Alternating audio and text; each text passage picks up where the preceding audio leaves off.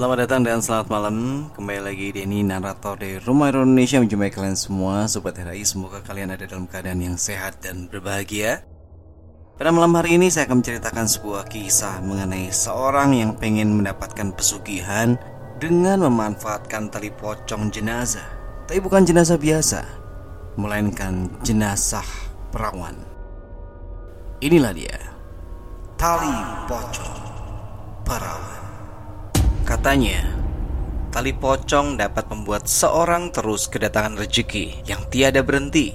Apalagi kalau tali pocong yang dicuri itu merupakan tali pocong perawan. Itu diyakini lebih manjur. Setidaknya demikian yang dikatakan oleh Mbah Madi, dukun yang didatangi oleh Kuswanto tempo hari. Kuswanto yang serakah berniat mencuri tali pocong usai mendatangi Mbah Madi. Akan kubeli semua omongan orang-orang itu. Kalau aku sudah kaya, biar ku beri mereka pelajaran.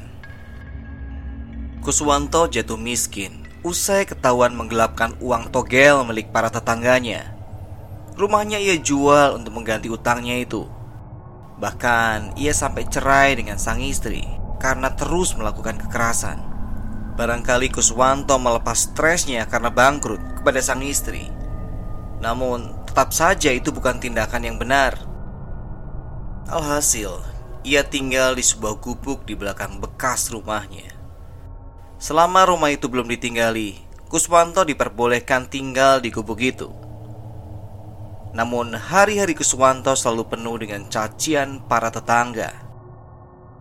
Ia bahkan pernah mencekik seorang ibu-ibu karena tak tahan terus dihina. Karena kelakuannya itu, Kuswanto sampai harus mendekam di dalam sel selama satu minggu. Kini ia merasa percaya diri karena telah mendapatkan nasihat dari Mbah Madi untuk mencuri tali pocong dan menjadikannya jimat untuk mendatangkan rezeki. Entah apa yang ada dalam pikiran Kuswanto sampai rela melakukan hal-hal yang tak wajar demi kekayaan.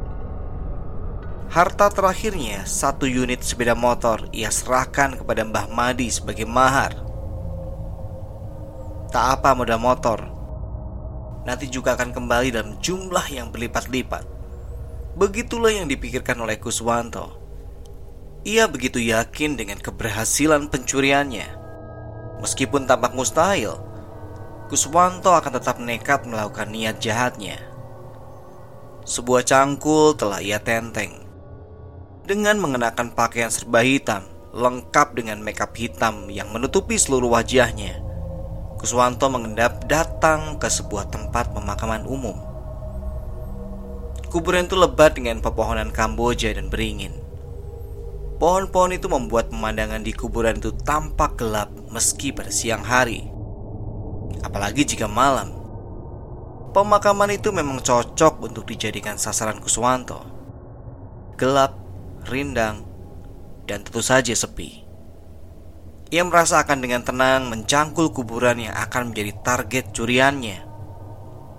Singkat cerita, satu kuburan target telah ia datangi. Ia sudah berdiri di atas kuburan tersebut dan menaruh cangkul untuk sejenak merapalkan mantra. Katanya agar tidak bisa dilihat orang. Dengan diawali sebuah tarikan nafas sejurus kemudian, Kuswanto menggali kuburan itu. Jantungnya berdegup kencang meskipun ia sudah berusaha merasa tenang. Selama kurang lebih satu jam ia menggali. Papan-papan penutup mayat mulai terlihat. Sejam kemudian Kuswanto mulai bisa menyentuh mayat buruannya itu. Itu mayat seorang perawan yang baru saja dikuburkan tiga hari yang lalu. Dengan santainya Kuswanto membuka tali pocong yang dikenakan mayat. Ia bahkan menyanyikan lagu kesukaannya kalau melakukan itu. Mungkin itu membuatnya lebih santai. Saat tali pocong itu mulai lepas, Kuswanto duduk sejenak di hadapan mayat yang bersemayam di sana. Ia memasukkan tali pocong itu ke dalam tasnya dan bersiap naik kembali ke atas. Namun betapa kagetnya ketika ia melihat sang mayat ujuk-ujuk bangun dan memelototinya. Kuswanto teriak begitu kencang saking takutnya. Ia buru-buru beranjak ke atas demi menyelamatkan diri. Namun, kakinya tiba-tiba kram dan tak bisa digerakkan. Teriakan Kuswanto semakin kencang meminta pertolongan. Tak lama sekitar dua orang penjaga makam mendatangi kuburan itu dan menyorotkan lampu senter ke arah Kuswanto. Sedang apa kau? Pesugihan ya? Sialan! Seketika dua orang bertumbuk kempal itu menarik Kuswanto dari bawah kuburan dan menggelandangnya ke tengah kampung.